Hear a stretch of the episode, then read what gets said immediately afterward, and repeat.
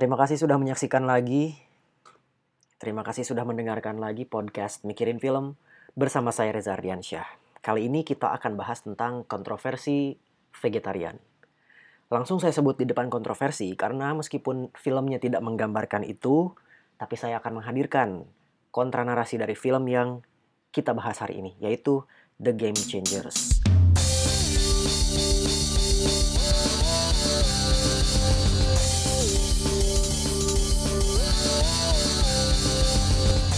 Film ini ada di Netflix, dokumenter.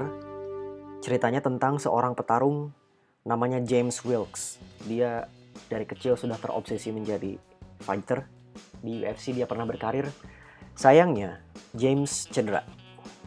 Lalu dia mencari cara tentang bagaimana mengembalikan kondisi tubuhnya fit lagi. Dia lalu bertemu dengan sejumlah orang.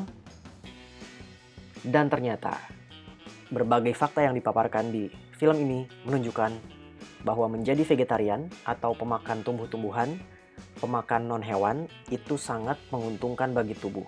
Karena para atlet juga begitu. Pada akhirnya dia recovery dengan lebih cepat dan menjadi trainer untuk Marinir AS. Nah, yang paling menarik dari film The Game Changers ini, tokoh-tokohnya, narasumbernya, eksekutif produsernya, beneran para atlet. Ada Novak Djokovic, ada Arnold Schwarzenegger, ada penerima atlet di Olimpiade A, ada atlet penerima medali di kompetisi B, banyak. Yang juga menarik dari pembawaan film ini, visualisasinya. Jadi James Wilkes ini dia punya dokumentasi sejak kecil dia ingin jadi fighter. Terus sudah dewasa dia ngajak orang tuanya untuk jadi vegetarian juga. Terus dia juga mengutip prinsip Bruce Lee, ini sampai saya catat keren banget nih bahwa Bruce Lee punya empat trik yang selalu dia terapkan untuk menjadi juara. Research your own experience, absorb what is useful, reject what is useless, add what is specifically your own.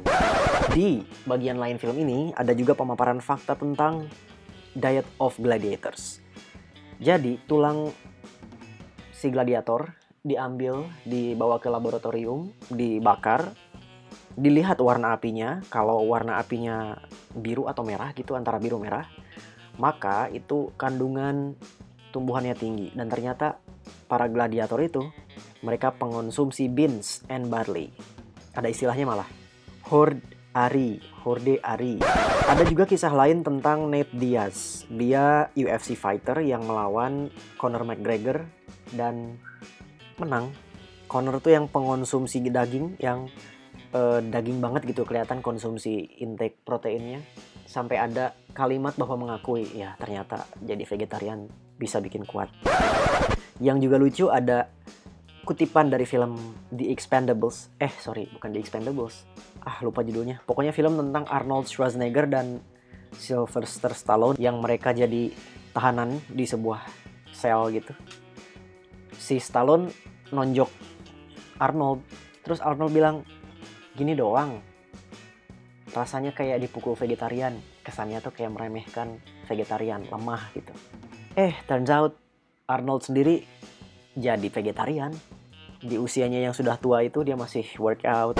Apakah saya tertarik untuk menjadi vegetarian juga? Of course terlihat menjanjikan. Apakah saya mengaplikasikan gaya hidup vegetarian sampai sekarang sejak nonton beberapa minggu lalu tidak karena susah harus nyiapin menu sendiri, harus masak sendiri, harus belanja menu yang non uh, hewan, atau kalau mau ke warteg, tapi warteg penjaganya nggak pakai masker, mau alasan lain buat susah bervegetarian. Nih, ada ulasan dari chriscresser.com.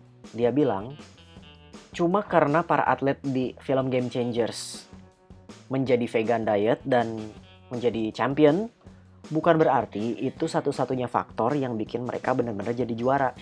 Bisa jadi ada faktor kepelatihan, latihan terdahulu, atau keturunan, dan lain-lain.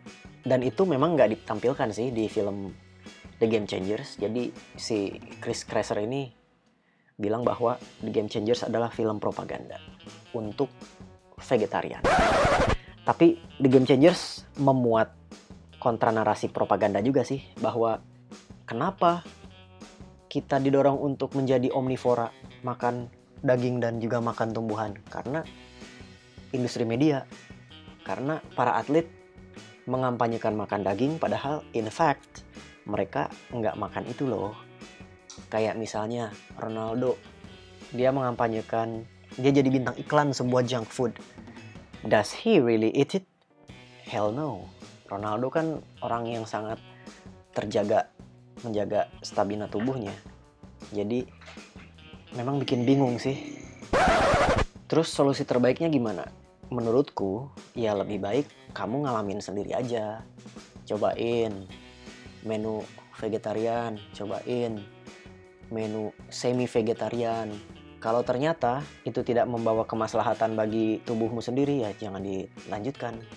Kok jadi kayak coaching fitness ya? ini kan ngomongin film, oke. Jadi begitulah.